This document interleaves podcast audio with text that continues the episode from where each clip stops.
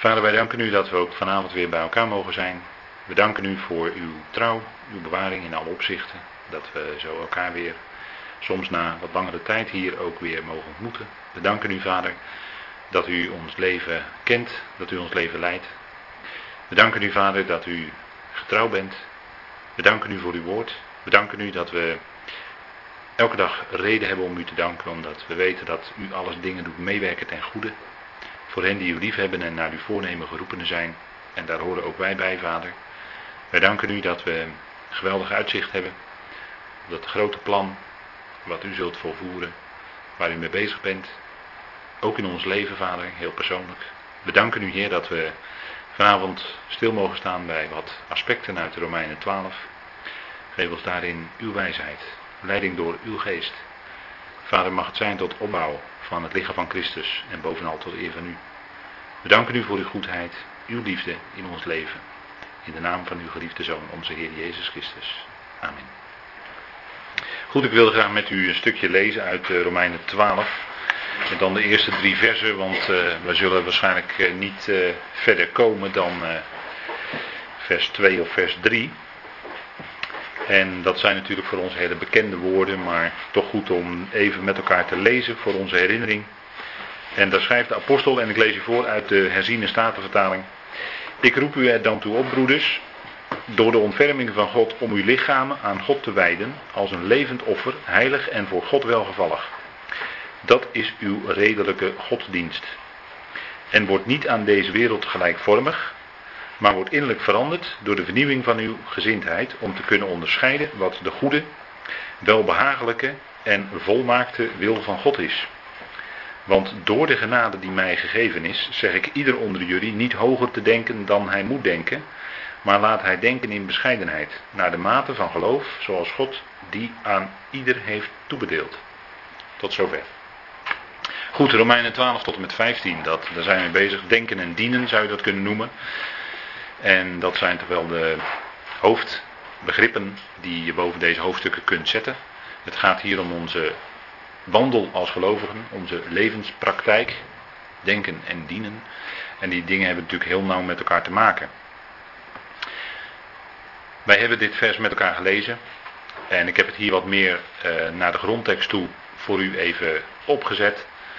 Er staat niet wereld, maar er staat eon. Oftewel het Griekse woord aion. En dat betekent tijdperk. Dat betekent nooit eeuwigheid. Dat betekent altijd tijdperk. Gelijkvormig, maar wordt innerlijk veranderd door de vernieuwing van uw denken. En daar staat natuurlijk een bekende, bekende voor ons, denk ik, begrip nous. Het Griekse woord nous. En dat is eigenlijk onze denkzin. Je zou ook kunnen zeggen denkzintuig. Dat is even een bruggetje om voor u het wat duidelijk te maken. Zoals je een tastzin en een reukzin en een smaakzin hebt. Zo heb je ook een denkzin. Denkzintuig. Dus het, het, ja, je denkvermogen zou je kunnen zeggen. Je denken. En dat is bij Paulus heel belangrijk. Dat is niet omdat Paulus een Griekse denker is. Maar dat is omdat Paulus weet van binnenuit dat gedachten belangrijk zijn. Het denken van de mens is belangrijk. De schrift koppelt dan ook de gedachten vast aan het hart. Het hart heeft gedachten. Dus het denken, de denkzin, noes, om te kunnen onderscheiden, hè, of te kunnen toetsen of testen, wat de goede, welbehagelijke en volmaakte wil van God is. Dus het gaat hier om de wil van God dat is voor onze wandel natuurlijk heel erg belangrijk. Wat is de wil van God? En daarna willen wij leven. Daarna willen wij ons leven inrichten. Daarna willen wij wandelen. Nou, het evangelie, dat is uh, wat voor ons denken heel belangrijk is. Het evangelie is Gods kracht tot redding voor een ieder die gelooft, zegt Paulus in Romeinen 1 vers 16. Dat is natuurlijk fundamenteel. En het evangelie brengt aan ons Gods gedachten over, waardoor ons denken veranderd wordt de tekst zegt ook, wordt niet gelijkvormig aan deze eon. En dat heeft allereerst te maken met ons denken. En het denken van de natuurlijke mens is in principe gelijk aan het denken van deze eon. Hè. Zonder geest van God ben je geneigd om mee te gaan in de tijdgeest, in het denken van deze tijd.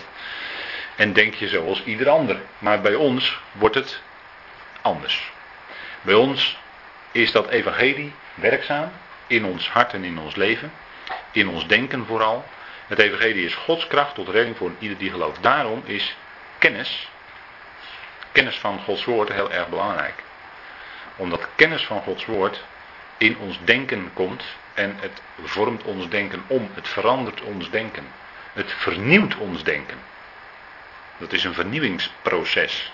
op het moment dat je tot geloof komt, dan eh, daarna gaat die geest van God door het woord in je werken en wordt je denken vernieuwd, wordt je denken veranderd.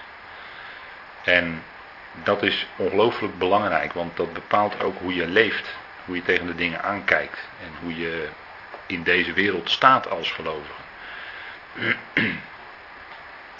Dus niet gelijkvormig aan deze eon.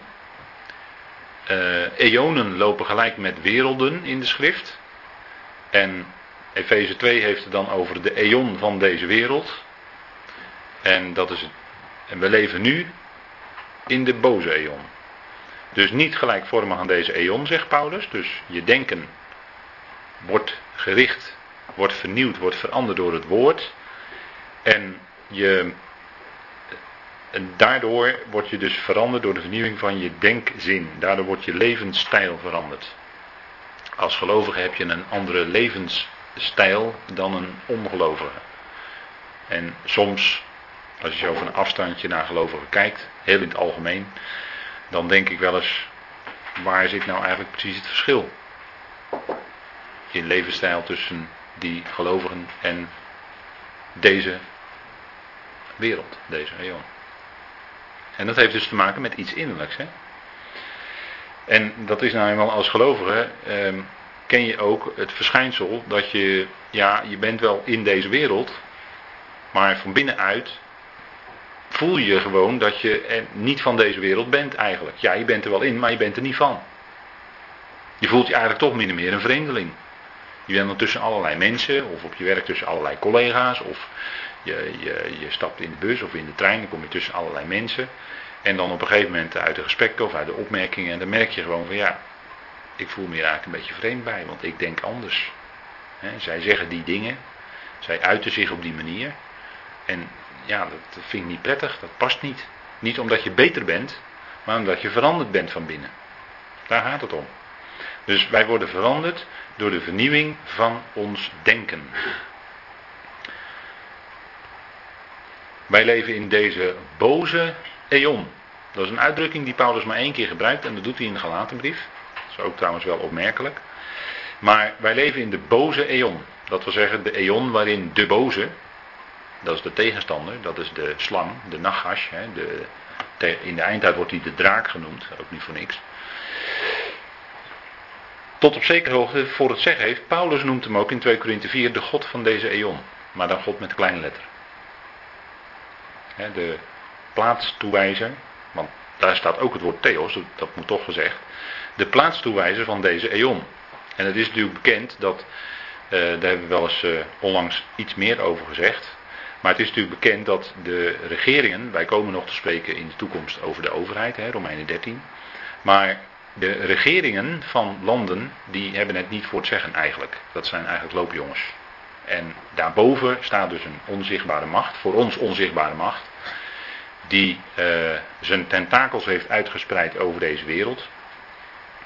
En uh, de leider van die onzichtbare macht is de tegenstander. Ik zou daar gedetailleerd over kunnen uitweiden eventueel, om dat aan te tonen, maar dat is allemaal aantoonbaar. Dat is echt zo. Maar wij zijn gelovigen en wij, niettemin, maken wij ons daarover niet in de hoogste zin zorgen, want wij weten dat boven de God van deze eeuw kennen wij onze God en Vader van onze Heer Jezus Christus, met wie wij heel nauw verbonden zijn. En we zijn heel nauw met Christus verbonden en met Hem, dat hebben we ook laatst op de themadag overdacht met elkaar, zijn wij in Christus geplaatst zelfs boven alle machten en krachten en hemelingen. En daarom zijn wij in feite min of meer een soort gevaar voor die hemelse macht. Hè? En hoe dichter bij de bazuin gods komt, dus hoe dichter bij de opname van de gemeente komt, hoe meer beroering er komt in de geestelijke wereld. En dat merk je dus nu, hè? ook in het Midden-Oosten. Er zijn heel duidelijk uh,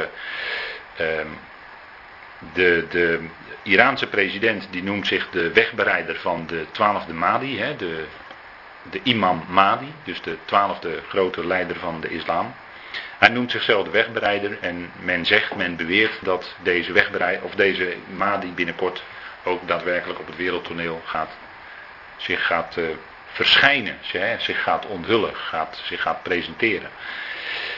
Nou, dat betekent, uh, dat is een illustratie uh, van het feit dat er steeds meer beroering komt in de geestelijke wereld. En dat heeft te maken met de Onder andere met de opname van de gemeente. En natuurlijk ook naderende einde van deze boze eon. op een gegeven moment weet de tegenstander ook dat hij nog maar weinig tijd heeft. En dan gaat hij uh, zich meer laten eh, zijn invloed wil hij steeds sterker laten voelen. En tot dat grote doel komen dat de hele mensheid hem gaat aanbidden. En nou, daar komt het ook. Hè. Als iedereen moet buigen voor het beest en het beeld van het beest. Dan is het in feite dat ze de draak aanbidden. Nou, daar gaan we dus naartoe. Vandaar dat er steeds meer beroering komt in die geestelijke wereld. Nou, de boze eon heeft ook alles te maken met religie. Want waar gaat het om in de gelaten brief? Ja, precies. Het gaat om. Ja, ik zie u heel instemmend knikken. En ik, daardoor is het begrip. Het gaat in de gelaten brief om religie namelijk. Het gaat om wet. Het gaat om eh, religieuze dingen. En daar schrijft Paulus ook over. Hè, de grondregels van deze wereld. De stoicheia heeft hij er dan over. Dat zijn de grondregels van deze wereld. En de grondregels van deze wereld, die zijn per definitie gebonden aan religie. Wetten en regels. En de tegenstander maakt gebruik van religie. Maar we gaan daar vanavond nog wel iets meer over zeggen, want we hebben het over het denken. En het denken van deze tijd, het denken van de mensen, wordt gewoon beheerst en bepaald door uiteindelijk de God van deze eeuw. Maar daar gaan we vanavond nog wat meer over zeggen. Denken zoals iedereen denkt. Hè? De verlichting, hè, dat is honderden jaren geleden een bepaalde stroming geweest, die noemt men de verlichting. En tijdens de verlichting heeft het zogenaamde wetenschappelijke denken zonder God, zeg ik er heel hard bij, zijn intrede gedaan. dus het, het wetenschappelijke denken, dus het atheïstische wetenschappelijke denken heeft zijn intrede gedaan. En daar, daardoor heeft men alles willen bewijzen. Uh, ja, daardoor wil men alles bewijzen wat, men, wat meetbaar is.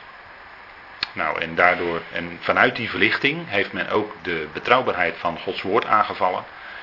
En uh, is bijvoorbeeld, uh, een van de eerste was, uh, als ik het goed heb, David Friedrich Strauss, die een boek schreef over Das Leben Jesu.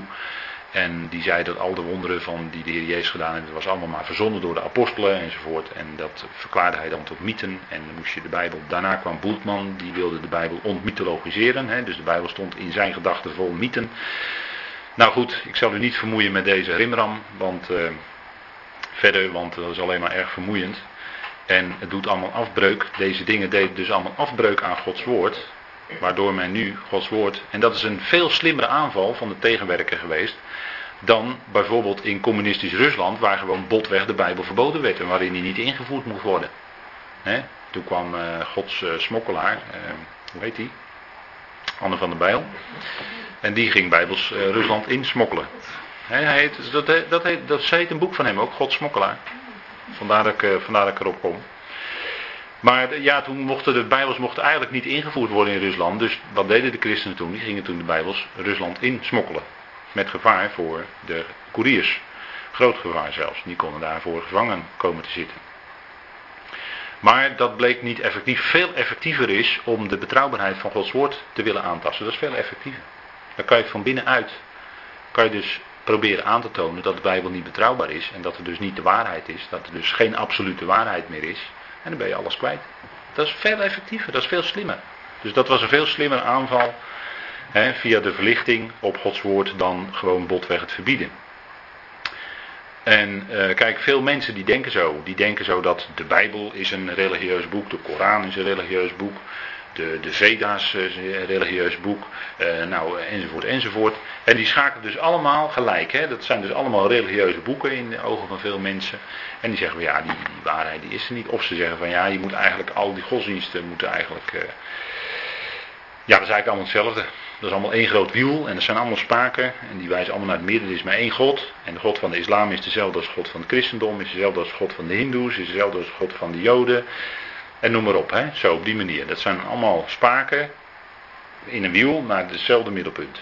Dat wil men doen geloven. Dat is hoe mensen denken religieus. Hè? Dat is hoe mensen tegen religie aankijken als ze zelf niet geloven. Hè? Dat, uh... Dus dat denken, hè? Dan, dat waart allemaal rond nou, dat, dat denken heeft natuurlijk zijn, uh, zijn krachtige werk gedaan in de filosofie als eerste. Filosofie is uh, wijsbegeerte, hè? filosofie is uh, wijsheid liefhebben. Dat is van het Griekse woord filijn, liefhebben. En Sophie, Sophia is wijsheid. Filosofie, dus liefde tot denken, hè? dus tot wijsheid van mensen. Dat is doorgedrongen daardoor in de theologie. En via de theologie is dat denken ook doorgedrongen in de ethiek. En men denkt dan dat zelfdenken helpt. Hè? Maar uiteindelijk als je lang zelf nadenkt, dan roep je volgens mij help, want dan weet je het ook niet meer. filosofie, theologie, ethiek. Nou, er wordt op allerlei manieren gedacht. Je hebt de meest wonderlijke filosofieën. Maar het punt is dat deze dingen uh, het denken van mensen, wat hierin doorwerkt, brengt je geen stap verder. Je komt er geen stap verder mee. Je blijft in duisternis.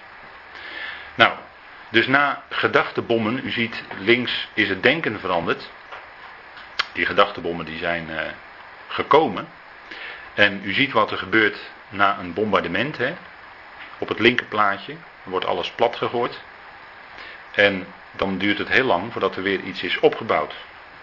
Nou, dat is dus ook in het denken gebeurd, hè? In de, in het, uh, voor het denken van de mensen. Daar zijn allemaal, zeg maar, gedachtenbommen in losgelaten en die hebben hun verwoestende werk wel gedaan. Nou, hoe werkt het bij de mens? Uh, daar, is de, daar is de tegenstander is daar heel goed van op de hoogte. En daarvoor zijn ook, uh, hè, men, men is daar heel goed van op de hoogte. En men heeft heel hard gewerkt om het, laten we zeggen, het denken zonder God en het denken, een bepaald denken ook op te dringen. Uh, ideeën, hè, gedachten, ideeën, die, je moet dus de gedachten van de mensen veranderen, wil je ook hun gedrag kunnen veranderen. Dus eerst moeten gedachten veranderd worden. Ik heb het wel eens gehad over het milieu. Hè. Je kan natuurlijk mensen allerlei dingen wijsmaken over het milieu. Echt wijsmaken. En dan gaat iedereen denken dat er een milieuprobleem is. Maar dat is er helemaal niet. En dat soort ideeën wordt dus via de school, de schoolboeken, het onderwijs, via de media uh, en via alle andere mogelijke kanalen wordt op de mens afgestuurd. En dat is allemaal, dat wordt allemaal systematisch gedaan. Daar is, zit geen toeval bij, maar dat wordt systematisch gedaan. En daardoor wordt het denken van de mens veranderd. En daardoor kun je dus ook het gedrag van de mensen veranderen. Dus de tegenstander weet dit heel goed hoor, dat het zo werkt. En daarom is het zo ongelooflijk belangrijk dat we met Gods woord bezig zijn. Ik vertel dit allemaal naar aanleiding van Romeinen 12 vers 2. Dat wij veranderd worden door de vernieuwing van ons denken. Dat kan maar op één manier, dat is door Gods woord. En niet anders. En dan gaat je denken weer de goede kant op, zeg maar. Hè. Vernieuwing. Zoals God het wil. En dan van daaruit, als je denken vernieuwd is, heeft dat ook zo zijn invloed op je gedrag, hoe je leeft, je levensstijl. En dan is gewoon voor jou dingen, is, zijn gewoon dingen helemaal geen issue meer. Dan leef je gewoon zo. En daar hoef je niet meer over na te denken. Kijk, die gedachtenbommen die komen tot ons via films. Je moet dus Hollywood bestuderen. Welke filmmakers daar zitten. Waarom ze bepaalde films maken. Wat er in die films getoond wordt. En wat ze met die films willen bereiken. Dacht u dat zomaar een film toevallig in de bioscopen kwam? Dacht u dat? Nou, dan bent u bij deze uit de droom geholpen, want dat gebeurt niks bij toeval. Ook in die filmwereld niet. Dan een tweede belangrijke gedachtebom uit de afgelopen eeuw is het feminisme. Het feminisme komt uit de koker van de tegenstander. En als u denkt van ja, dat is nogal erg bouwde bewering hoor. Als u Engels kunt lezen, ik heb een boek voor u. En als u dat boek uit heeft, dan bent u definitief uit uh, alle dromen verlost. dan weet u echt waar het feminisme vandaan komt. Dat is ook geen toevallige zaak geweest. Het evolutionisme, hè, het, of het Darwinisme, dat dat zo'n hoge vlucht heeft genomen ook in de wetenschap en in het denken van de mensen.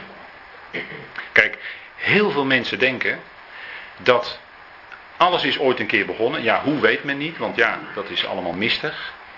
Maar in het begin waren de mensen heel primitief. Waarschijnlijk zijn ze, hebben ze zich ontwikkeld, is, de, is de aap is doorontwikkeld tot mens. En die mens is langzamerhand gaan denken en langzamerhand wordt die mens beter. En de gedachte is dan dat die mensheid langzamerhand beter wordt. Nou, ook dat is precies een omkering van de zaak. God heeft de eerste mens, het eerste mensenpaar geschapen. En als u het mij vraagt, was Adam iemand die heel wijs en heel intelligent was. Zo is hij geschapen. En daarna is het eigenlijk alleen maar afgezakt. En als God de mensheid de mogelijkheden geeft, bijvoorbeeld op technisch-technologisch gebied, nou dat hebben we de afgelopen 200 jaar gezien, heeft die techniek, technologie, industrialisatie, daar is mee begonnen, heeft een enorme vlucht genomen, maar dat is alleen maar omdat God het aan de mens gaf om bepaalde uitvindingen te doen. Stroom. Eh, dat we konden telefoneren. Dat we nu met al deze high-tech uh, apparatuur uh, zitten. En dat we een raket afschieten naar de maan. En dat soort dingen. En naar Mars en noem maar op. Ehm, nou, dat, dat, is, dat heeft een hoge vlucht genomen. Hè? Maar die gedachte die men heeft, is dat de mensheid zich steeds verder evolueert en op een steeds vanzelf evolueert en op een steeds hoger niveau komt. Nou, dat is ook absoluut wat Gods woord ontkent. Dan, dat heb ik al genoemd, hè, de ontmythologisering van de Bijbel. Daarin heeft men gezegd, al die wonderverhalen en zo, is allemaal niet waar. Dat is allemaal mythen, hebben de mensen allemaal bijgedacht. En uh, kijk, de, de, uh, recentelijk is er nog een theoloog, een bekende theoloog, die vaak in het Nederlands Dagblad schrijft, is erop gepromoveerd. En die beweerde met droge ogen dat ten tijde dat Jozua onder leiding van de Heer Jericho en Ai veroverde, dat er geen mensen woonden in Jericho. Beweert hij met droge ogen is op gepromoveerd Onder andere, hè, dat was dan wat breder, maar de, onder andere daarop. Nou, dan zit ik gewoon stom verbaasd de krant te lezen als ik dat lees. Ik ben gewoon stom verbaasd. Ik denk, man, je gelooft gewoon niet. Dan kan je wel zeggen dat wij als christelijke gemeente een probleem hebben. Wel nee, wij hebben geen probleem. Hij heeft een probleem. Alleen moet nog voor hem kennelijk blijken dat er toen wel mensen woonden, zoals gewoon in de schrift staat. Jozua 10, lees maar na. Nou, dan in de muziek, hè hebben het al even over, laatst ook even over gehad. Heb ik iets genoemd over de Beatles. Uh, hè, die, die hele omwenteling in de jaren 60 hè, die we hebben gezien. Die gepaard ging met popmuziek, seksuele revolutie en noem alles maar op. Die dingen. Denkt u dat het zomaar uit de lucht komt vallen? Dat het zomaar komt? Dacht u toch niet, hè? Nou, dus die hele muziek die is ook gebruikt als een enorm instrument voor de tegenstander. Dus om gedachten om te turnen, om de jeugd te beïnvloeden. Om, en zo gaat, zo gaat het nog steeds. Nou, dus dit zijn uh, zeg maar vijf gedachtenbommen, zeg maar, zo heb ik het dan maar genoemd. Die een uh, verwoestende uitwerking hebben gehad. Ze hebben een uitwerking niet gemist. Voor ons, en nu gaan we aan een wat beter onderwerp beginnen. Evangelie, dat is namelijk goed nieuws. Komt het evangelie in ons denken en gaat ons denken veranderen. Als iemand tot geloof komt, dan zit hij dus vol met dit soort gedachten, hè, waar we het net over hadden. En door het evangelie wordt dan het denken veranderd. dus het evangelie is iets wat je door je ogen en je oren tot je neemt. Dan komt het dus in je hart, hè, zeg spreuken. En dan gaat het daardoor je hart veranderen, je gedachten veranderen en ook je levenswandel veranderen. Nou, dat is wat proces wat Paulus benoemt in Romeinen 12. Nou, die kracht tot verandering van denken, dat is natuurlijk het woord van God. dat, dat is een enorme kracht van God. En dat woord hebben we dan ook nodig om te kunnen onderscheiden wat de wil van God is. Dat woord hebben we nodig zodat we misschien wel op dagen waar je naar de mens gesproken zou zeggen van nou alles zit tegen, dat je in die dag toch blij bent in je hart, omdat je weet dat God er is en dat die je leven leidt en dat die je uiteindelijk toch alles doet meewerken ten goede. En dat Hij degene is die ons lief heeft. want als we kijken in de Romeinenbrief, dan eindigde hoofdstuk 8 met iets geweldigs, namelijk dat niets ons kan scheiden van de liefde van God, die in Christus Jezus is, onze Heer. Niets kan ons daarvan scheiden. Dus wat mij morgen overkomt in mijn leven, of misschien wel de dingen die ik eh, nou niet volkomen doe morgen, kunnen mij die scheiden van de liefde van God? Nee, want er is immers niets wat ons kan scheiden van zijn liefde. Het kan enorm tegenzitten in ons leven, naar de mens gesproken. De dingen kunnen helemaal, bij wijze van spreken, menselijk gezien, uit handen lopen. Maar het loopt God niet uit de hand. En niettemin beseffen we, en dat is hoe wij rekenen als gelovigen, hoe wij rekenen met ons geloof, in ons denken dus ook, dat God alle dingen doet medewerken ten goede voor hen die Hem liefhebben en naar zijn voornemen geroepen zijn. En dat zijn wij, die geloven. Hij doet voor, ons in, voor en in ons leven alles meewerken ten goede. Hij werkt het uit ten goede. En dat zien we misschien niet op de dag of in de week waarin allerlei problemen zich aandienen. Of hoe het loopt in ons leven. Maar misschien zeggen we wel, anderhalf jaar verder. Ja, het was toch goed dat God het zo deed. Vader, het was toch goed dat u het zo deed. Want. En ik heb gezien hoe zich dat uitwerkte. Kijk, God overziet de hele weg. Wij zien maar een klein gedeelte van de weg. Maar hij overziet dat hele stuk. En dat is wat we ons ook zouden beseffen als we Romeinen 12 lezen. En dat gaat over onze levenswandel, over onze levenspraktijk. Hè. Gods liefde staat daarboven. Alles werkt mede ten goede. En als we even doorwandelen naar het einde van Romeinen 11, dan is dat ook die geweldige openbaring dat alles uit hem is en ook door hem en ook tot hem is. Uit wie? Nou, die God die liefde is. Door wie is het? Nou, door die God die liefde is. En tot wie zal het zijn? Nou, uiteindelijk tot hem die ons lief heeft. Dat is wat we ons bewust zijn. Hè? Nou, kijk, dat woord van God, dat is zoiets bijzonders. En dat is wat ons uh, eigenlijk als, als het meest kostbare geschenk gegeven is. Als gelovigen in ons leven. Hè, dat woord van God. Daardoor gaan we zien wie God is. En daardoor gaan we ook rekenen in ons leven als gelovigen. Daardoor gaan onze gedachten ook veranderd worden. En dan gaan we eh, langzamerhand een gedachtenleven ontwikkelen wat niet langer zozeer rekent met uh, is het nou wat ik ga doen, is het nou goed of is het nou fout? Of hè, zoals Paulus constant bezig, als je kijkt in Romeinen 7, daar hebben we bij stilgestaan. Hè, tot, totdat hij uiteindelijk uitroept. En dat had alles te maken met Paulus' denken hij, hij, zag in zich een, eh, allerlei, hij zag in zich verschillende wetmatigheden. Als hij het goede wilde doen, dan, uh, kwam, ja, dan, deed hij eigenlijk het kwade. En, en, en dat soort gedachten, dan wilde hij het graag het goede doen. En dan had hij zich misschien wel heel erg af zitten vragen, ja, wat is nou goed? Maar dan deed hij toch het kwade. En, en dat kwam omdat hij, nou ja, dat kwam door een stuk eh, opvoeding. Dat kwam door, omdat hij in een hele wettische omgeving was grootgebracht. En, en uiteindelijk moest hij dan ook uitroepen: Ik ellendig mens. Wat zal mij verlossen uit het lichaam van deze dood? Want ik wil wel, maar het lukt niet. Ik wil het goede wel doen, maar het gaat niet. En ik ontdek een wetmatigheid in me dat als ik het goede wil doen, dat het kwade mij bij ligt. Op die manier is hij ook aan het denken. Maar het punt is dat het evangelie, die genade van God, onze gedachten gaat veranderen. En die genade dus niet langer wettische zaken, in het voorbeeld van Paulus. Maar die genade ons uh, denken gaat beheersen. En dat we niet zozeer bezig zijn met uh, goed en kwaad en fout en niet fout. En, nee, maar dat, dat we mogen beseffen dat we leven in die vrijheid van Gods genade. En dat we als ontspannen mensen kunnen leven. En dat we ons niet constant elke seconde van de dag hoeven af te vragen van wat ik nu doe, goed of fout. Dat soort dingen. Nee, het gaat veel meer om, je mag leven voor zijn aangezicht. Je bent in je hart blij geworden met die genade. Daaruit leef je. Uh, die vrijheid heb je. Nou, dat is, dat is geweldig. En dan wil je ook tot eer van Hem zijn. Het begint natuurlijk met het stellen van ons lichaam tot een levend, heilig en God welgevallig offer. Daar, daar begint het allemaal mee. En daarna, ja, leven we.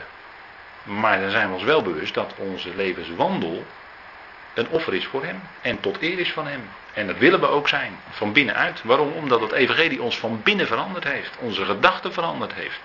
En dat niet langer eh, allerlei menselijke gedachten ons beheersen. Nee, het evangelie van genade beheerst onze gedachten dan. Nou, dus die geweldige kracht tot verandering van ons denken is dat woord van God. En dat is fantastisch. En dat vind je ook terug in de natuur. Hè? U ziet hier een bij. Nou, dat woord voor het Hebreeuwse woord voor uh, woord is dabar. Dat weet u wel, hè? Een woord, en dat is bij God ook tegelijkertijd een daad. Maar het Hebreeuwse woord voor bij is ook dabar. Dat is eigenlijk wel heel merkwaardig. Dat is toch wel heel wonderlijk, hè? Dat het, uh... En wat, wat een bij op een gegeven moment produceert, is honing. Dat is vaste spijs in de natuur. Hè? En dat is eigenlijk hetzelfde als wat het woord van God produceert. Dat is wel heel wonderlijk die parallel. Hè? Want het woord van God produceert ook wijsheid. Door het woord tot je te nemen, door het woord te leven, word je ook wijs. Dat is die wijsheid van God. Dat is eigenlijk die honing. En vaak wordt in de Bijbel natuurlijk Gods woord zelf vergeleken met honing. Profeten moesten de Bijbel opeten en het smaakt als honing. Weet je wel? Ezekiel, uh, Johannes moest dat doen. Het smaakte als honing. Zoet in de mond. En soms was het ook dan bitter in het binnenste, omdat het iets uitwerkte. Maar in de natuur is die honing vaste spijs. dat is niet uit een potje zo vloeibaar wat je in de supermarkt koopt. Uh, en wat je dan op je brood uitsmeert. Zo niet. Zo vind je het niet in de natuur hoor. Zo is het gemaakt. Maar in de natuur vind je het als vaste spijs. Dus die, dat woord brengt die wijsheid voort. Net zoals in de natuur een dabar, een bij, honing voortbrengt. Dat is eigenlijk heel mooi hè. En die darren, dus die werkers of werksters, weet u hoeveel dagen die werken? Dat is ook heel prachtig hè. Zes dagen, die werken zes dagen en dan stoppen ze ermee. En dat is ook precies wat eh, God aan de mens geeft om te doen. Hè. Zes dagen arbeiden en dan ermee stoppen. Hè, dat is een prachtige overeenkomst. En uh, als ze dan de, hun werk gedaan hebben, dan uh, kan het ook zijn dat ze gedood worden. En dan uh, worden ze gedood voor de ingang van de korf. Voor de poort van de korf worden ze gedood. En dat is eigenlijk ook een beeld van onze Heer. Dat verwacht u niet, hè, maar dat is een beeld van onze Heer. Die buiten de poort van Jeruzalem geleden heeft. En gestorven is. En zo zit er weer een stukje overeenkomst in wat je in de natuur dus waarneemt. En de Bijbelse waarheden. En dat kan ook niet anders, want het is dezelfde schepper. Hij is de schepper van het woord en de schepper van de natuur die we om ons heen zien. We hebben zoveel illustraties van uh, bijbelse waarheden in de natuur. En er wordt in de schrift zelf ook vaak aanleiding voor gegeven. Ik heb het gezegd, hè, dabar is hetzelfde woord als woord in de schrift. En bij. Dat is gewoon precies hetzelfde woord. Zoek het maar na. En honing, daar wordt Gods woord mee vergelijken. Dus je, het kan eigenlijk niet missen. Kan eigenlijk niet missen. En eh, als je kijkt nu naar buiten, dan gaat dat, eh, dat graan, die tarwe, die gaat er langzamerhand weer boven de grond komen. En het is heel wonderlijk dat de Heer Jezus uh, spreekt over de graankorrel die in de aarde valt en die moet sterven. Dat zegt de Heer Jezus zelf. Hè?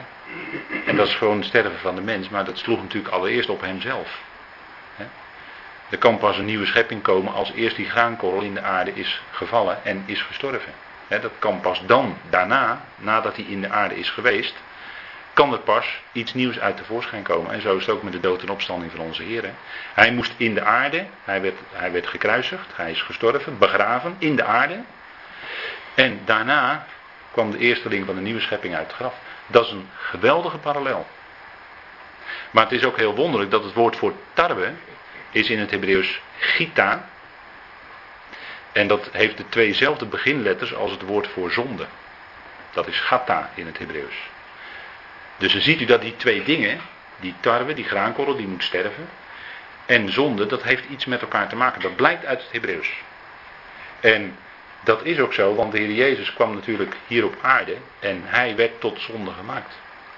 Het lam Gods dat de zonde der wereld wegdraagt is hij. En hij was natuurlijk de graankorrel bij uitstek die in de aarde moest vallen en sterven. En eh, daarom is bijvoorbeeld ik weet niet of we dat hier hebben, heel e- even over hebben gehad. Maar daarom is ja, de dorsvloer, hè? Weet u nog, de dorsvloer? Op de dorsvloer is het gericht. En dan dorst je dus ook graan en tarwe. Want dan moet dat kaf, dat moet verdwijnen. En weet u wat het is? Dat is de werking van Gods geest. Want dat kaf dat verdwijnt door de wind. En wind is geest in het Hebreeuws, ruach. En dat, dat kaf, dus die oude mens, die omhulling, die oude mens, die moet verdwijnen uit ons leven. Hoe gebeurt dat? Door Gods geest. Door de inwerking van het woord in ons leven. Betekent het betekent dat die oude mens, laat ik voorzichtig zeggen, op de achtergrond raakt en die nieuwe mens tevoorschijn komt. Onze nieuwe levenswandel. Daar hebben we het nu over. En dan ziet u dat dus die dingen hebben allemaal vanuit het Hebreeuws met elkaar te maken. En het zijn dus beelden die in de schrift zelf naar voren komen, die dus verband houden met, nou, ga maar kijken in de natuur. Hè. Dus een uh, bij, ja, er valt er wel wat meer over te zeggen, maar goed, even een paar aspecten. Maar het woord van God beïnvloedt ons denken, verandert ons denken en zorgt ook op den duur door de verandering in ons voor een nieuwe levenswandel, voor een veranderde levenswandel. En bij sommigen gaat het heel radicaal en bij sommigen is dat een wat langer proces. Nou goed, dat is allemaal eh, voor ieder weer verschillend. Hè? Nou, wat, wat zegt Paulus? Wij hebben de denkzin van Christus. We hebben het over de verandering van onze denkzin. En hij zegt dan in 1 Korinthe 2, vers 16, wij hebben de denkzin van Christus. Dat we zeggen, de wijze waarop Christus denkt, wordt ook onze denkwijze. Zoals hij denkt, gaan ook wij denken. En hij is de redder van de wereld. En in zijn denken kan er natuurlijk geen enkele plaats zijn voor iets als wat ook maar enigszins zou lijken op de hel. Degenen die in, uh, in Israël geweest zijn, die zijn ook in de hel geweest. In het Gehenna. Nou, het was heel aangenaam toeven, hoorde ik. Dus lekker warm. de zon was lekker warm. Er waren geen vlammen, maar er was wel zon. En die was lekker warm. En het is daar dan gewoon een mooi park waar je gewoon lekker kan picknicken, op een bankje kan zitten enzovoort. Het is prachtig daar allemaal. Dat is de hel. maar kijk, in het denken van de Heer is er geen plaats voor iets als een hel. Nee, de Heer is. Hè, Paulus wordt ook gedrongen door de liefde van Christus. De liefde van Christus dringt mij. Daar hij tot het inzicht gekomen is dat één voor allen gestorven is. Dat is geweldig, dat is geweldig. En het is net zo geweldig dat dan voor God dus ook allen gestorven zijn. Met hem ging die hele oude mensheid het graf in. En die nieuwe mens, degenen die nu geloven, dat zijn zij die leven. Nou, die leven niet langer voor zichzelf, maar die leven voor Hem. Die stellen dus hun leven, hun zijn, ter beschikking aan Hem. En leven voor Hem vervolgens. Hè. Nou, dus om anders te denken over God, over zijn zoon en andere mensen. Dus die denkzin van Christus, hè, dat wordt ook ons deel.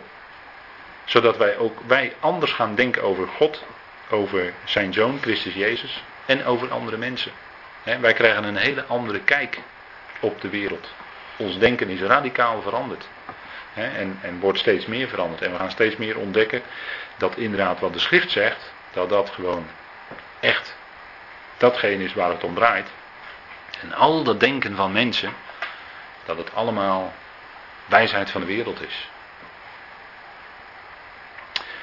Nou, het gaat erom om, zegt Paulus in Romeinen 12, vers 2, we hebben net even dan stilgestaan bij de vernieuwing van onze denkzin, om te kunnen onderscheiden of te toetsen of te testen wat de goede, welbehagelijke en volmaakte wil van God is. Nou, wat is de wil van God? Wat is de wil van God? Dat is wat Paulus hier noemt, en het woord kent u denk ik wel, dat is zijn telemma. Zijn geopenbaarde wil, zeggen we dan altijd. Dat is wat hij openbaart in zijn woord als zijn wil. Zijn telemma. Gods wil. En ik heb er even een, eh, een wijsvinger, een wijzende hand met een vinger bij gezet van, nou, God wijst die weg. En wie ging er daar tegenin? Nou, de farao ging er tegenin. God zei, laat mijn volk gaan. En de farao zei, nee, dat doe ik niet. Van de farao, zijn hart werd verhard. Israël ging ook tegen Gods wil in.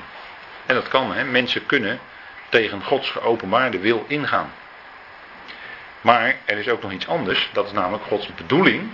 En dat is zijn boelema. En daar kan een mens nooit tegen ingaan. En dat is een goed moment om heel even een momentje pauze in te laten. Goed, een mens kan, uh, mensen kunnen tegen Gods openbaarde wil ingaan, daar zijn we voor de pauze mee geëindigd, maar nooit tegen Gods verborgen bedoeling. Dat de mensheid nu massaal tegen Gods openbaarde wil ingaat, dat is wat wij allemaal constateren. En dan zeggen we tegen elkaar, we leven in de boze eon, dat is ook zo. Alleen, Gods bedoeling is toch ten diepste dat het nu zo is. Het moet zo zijn, want die antichrist die moet straks komen. Die wetteloze moet straks die wereldheerschappij krijgen. Daarom moet alles eronder. En dan komt de Heer zelf natuurlijk om hem te niet te doen. Nou, de Jezus, hè, als het gaat om het doen van de wil van God, dan zegt de Heer Jezus, en dan is hij in Johannes 4, hè, dan zijn we in Samaria. Dan uh, zegt hij tegen hen, tegen de Samaritanen. Mijn voedsel is dat ik de wil doe van hem die mij gezonden heeft en zijn werk volbreng. dus voor hem was het eten en drinken, was het doen van de wil van God. Als, uh, en hij deed wat hij, de vader, wat hij van de Vader hoorde. de Heer Jezus deed niet zijn eigen wil, maar hij deed de wil van God. En dat ging heel diep. Dat ging uiteindelijk tot en met Golgotha. dat was uiteindelijk toch de wil van God dat het zo ging. En dat de mensheid daarna ook de reactie van God kon zien op die enorme krenking. Dat ze zijn eigen geliefde zoon aan het kruis nagelden. Dat hij daardoor stierf. He, volkomen onterecht. Want in het proces voorafgaand, Herodes en Pilatus zeiden allebei: Ik vind geen schuld in deze mens. Hij had niets gedaan wat de dood waardig was, waarvoor hij de doodstraf zou kunnen krijgen. En ze riepen kruisig hem. En ze lieten Barabbas vrij, hè, de zoon van de vader, Bar Abbas, hè, de zoon van de vader in het Aramees. Die lieten ze vrij, maar dat was iemand die een doodslag had gepleegd. Daarvoor zat hij vast. Maar die lieten ze vrij. En degene die zonder zonde was, die moest gekruisigd worden. Dat is, enorm, dat is de enorme contrast. Uh, voorafgaand aan Golgotha, maar het moest zo gaan. Het kon niet anders. En het was ook door de profeten aangezegd degene die met de Heer Jezus at, die zou zijn hiel tegen hem opheffen. Nou, dat was Judas. En dat werd natuurlijk in de tijd vervuld, maar het stond al in de psalmen. Het stond al aangekondigd. En voor de Heer Jezus was het eten en drinken, dus zijn hele leven. Want eten en drinken staat gewoon voor het leven. Dat hij de wil van God deed, hè, degene die hem gezonden had. En dat hij zijn werk zou volbrengen. Nou, dat zegt hij dan in Samaria, hè, waar hij dan uh, verblijft. En dan eindigt dat met, en na twee dagen, weet u wel. Goed, wat is de wil van God? Kunnen wij ons afvragen, hè? want wij willen onderscheiden wat de goede, welbehagelijke en volmaakte wil van God is, zegt Romeinen 12, vers 2. Wat is nou de wil van God? Ik denk dat u dat zo in kunt vullen. Wat is nou de wil van God? Als, als hier nou staat God wil, wat zegt u dan? Dat alle mensen behouden worden. God wil dat alle mensen behouden worden. Enorm voor onze gedachtenbepaling, voor onze gedachtenleven. God wil dat alle mensen gered worden. Dat is iets voor je denken, dat is iets voor je hart. Geweldig. Nou, God wil. Wat wil God nog meer?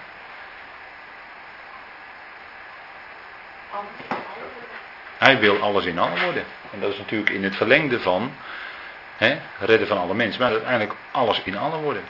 Nou, zo kunnen we natuurlijk een hele lijst gaan opnoemen. Van wat we gewoon uit de schrift, uit het evangelie weten. Wat God wil. Dat is nou Gods wil. en veel meer secundair eraan is. Wat wil God nou met mijn leven? Dat vraagt dan gelovigen zich af van wat wil God nou met mijn leven? En dan, dan zie je bij gelovigen dat ze gaan zitten wachten op de wil van God. Hè, wat God wil, dan gaan ze zitten wachten. Maar ik denk dat het veel actiever is. Gewoon aan de slag. Of doorgaan waar je mee bezig bent. En dan zal God dat vanzelf laten zien.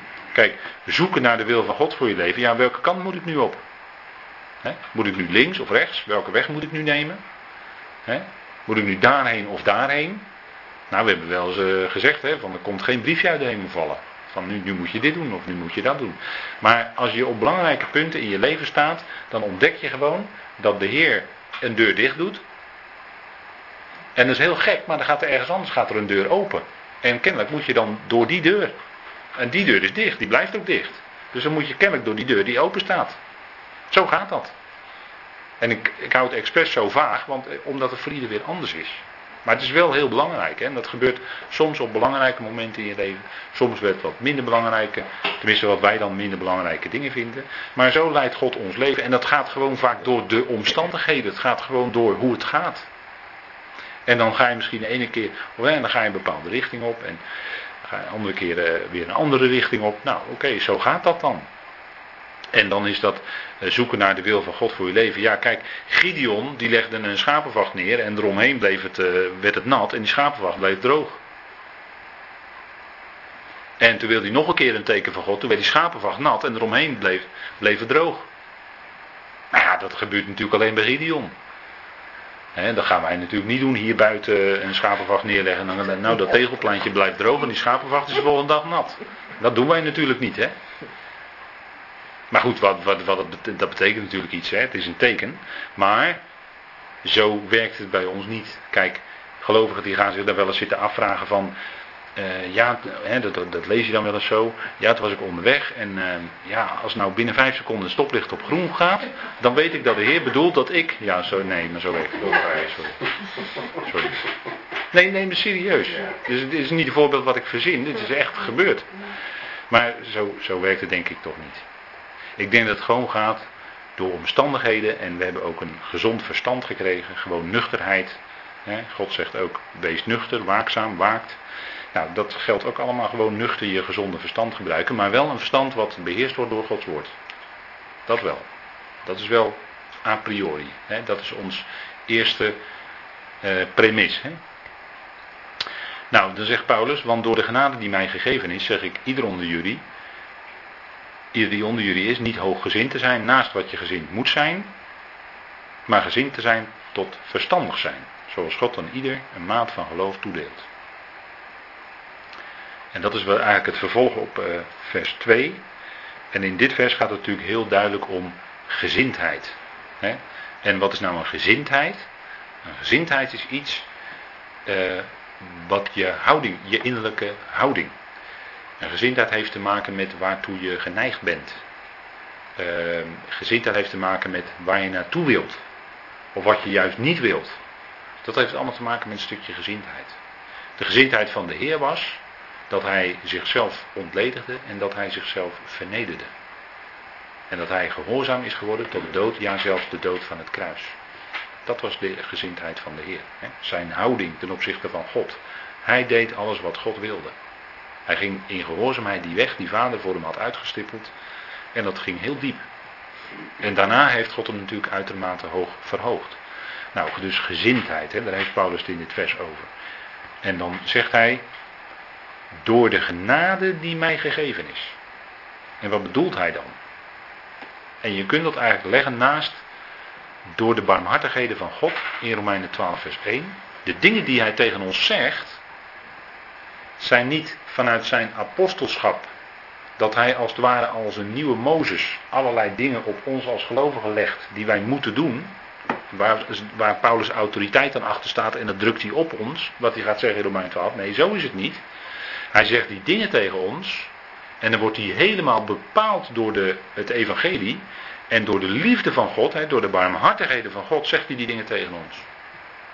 En hier, door de genade die mij gegeven is, veel uitleggers denken dan dat het, die genade zijn apostelschap is. Maar dat is nog maar de vraag. Zeker als je weet wat er allemaal in Romeinen 1 tot en met 8 staat, dat evangelie. En dan zegt hij door de genade die mij gegeven is. Het zou best eens kunnen zijn dat we hier bij deze genade toch meer zouden denken aan het evangelie wat hij gebracht heeft. Want hij bracht het evangelie van de genade. Hij bracht het evangelie van de verzoening van Gods liefde die in ons hart is uitgestort. En dat dat, hè, dat hij door de genade, dat je daaraan denkt, hè, de genade die mij gegeven is, want het was een unieke boodschap die de andere apostelen niet brachten. Het was Paulus' evangelie, mijn evangelie, zegt hij ook. En dat hij dat bedoelt met de genade die mij gegeven is. Dus dat wat hij zegt eigenlijk doordrenkt is van die genade van het evangelie, van die liefde van God. En dat hij zo tegen ons spreekt. En dat merk je ook aan de manier waarop hij spreekt. Dat merk je zelfs aan de Griekse werkwoordsvorm. Nou, zo diep kunnen we niet gaan, maar we kunnen het af en toe wel aangeven. Dus door de genade die mij gegeven is, zeg ik ieder onder jullie niet hoger te denken dan hij moet denken. En waar gaat het dan om? Om hooggezind zijn. En dan, hè, dan, dan weet je, Paulus is eigenlijk heel erg terughoudend. Paulus wordt nu wel eens voorgesteld als een uh, hele strenge apostel die uh, heel streng tekeer ging en noem alles maar op. Maar eigenlijk als je brieven leest is Paulus vaak terughoudend. En hij zegt ook in 2 Korinthe 4, wij prediken niet onszelf, maar wij prediken Christus Jezus, de Heer. dus wij prediken niet onszelf. Het gaat niet om Paulus zelf, het gaat om Christus Jezus. Dat maakt hij daarmee duidelijk. En hij, hij had wel een bepaald. Hij had natuurlijk, omdat hij apostel was, had hij wel een bepaald uh, gezag en had hij zeker autoriteit, absoluut.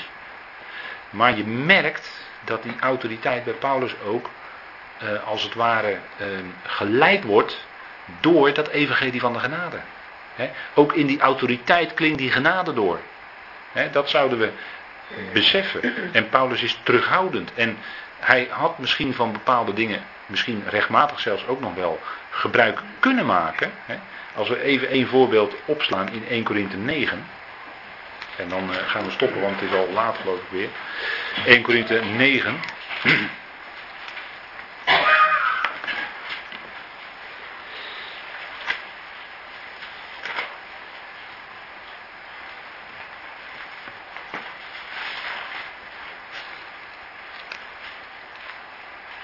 En dan beperken we ons even tot die versen die daar staan.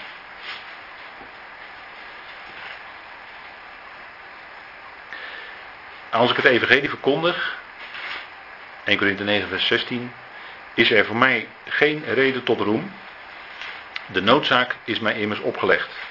En wee mij als ik het evangelie niet verkondig. Want als ik dat vrijwillig doe, heb ik recht op loon. Maar als ik het onwillig doe, is het beheer mij toch toevertrouwd. Wat voor loon heb ik dan? Dat ik bij de evangelieverkondiging het evangelie van Christus kosteloos maak. Om geen gebruik te maken van mijn recht als verkondiger van het evangelie. om, als verkondiger staat dan hier schuin gedrukt in deze vertaling. Dat wil zeggen, het staat er niet echt. Dus om geen gebruik te maken van mijn recht van het evangelie. Paulus bracht het evangelie. En daarmee was hij ook evangelist.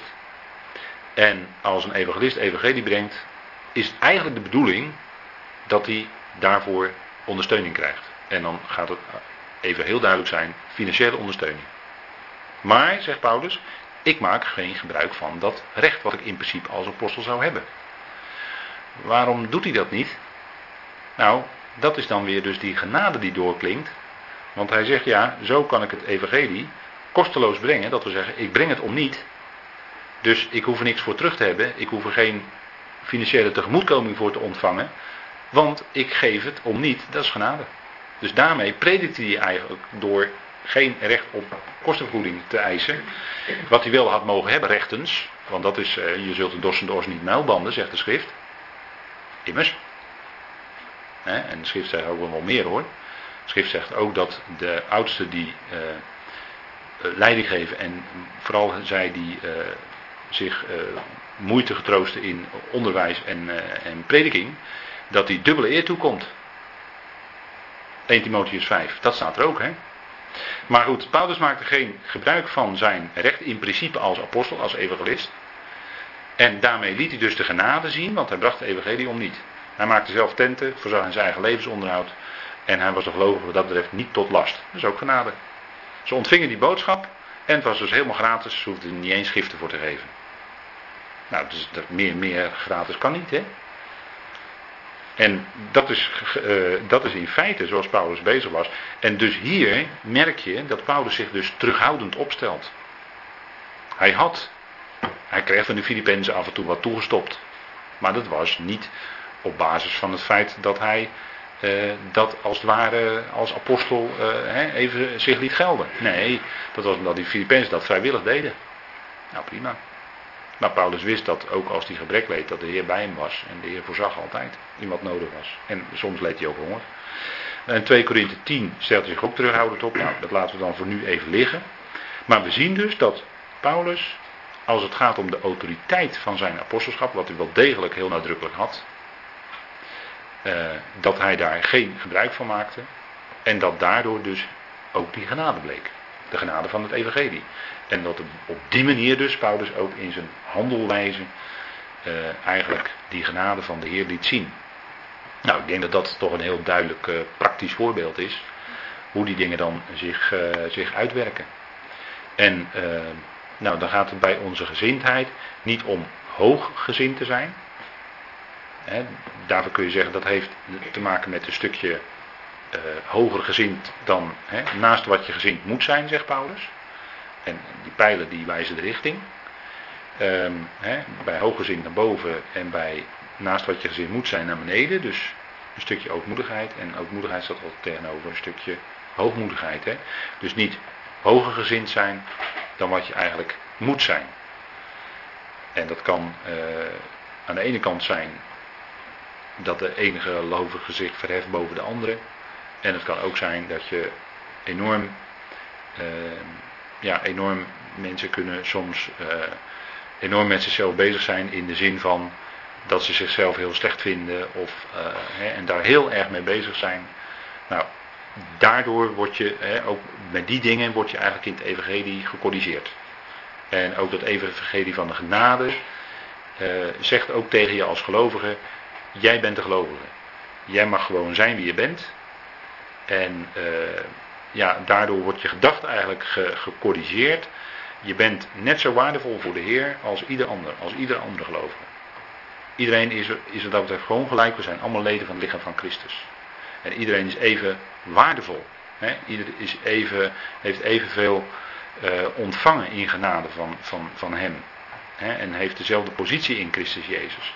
Dus wat dat betreft uh, hoeven we als gelovigen niet te laag over onszelf te denken.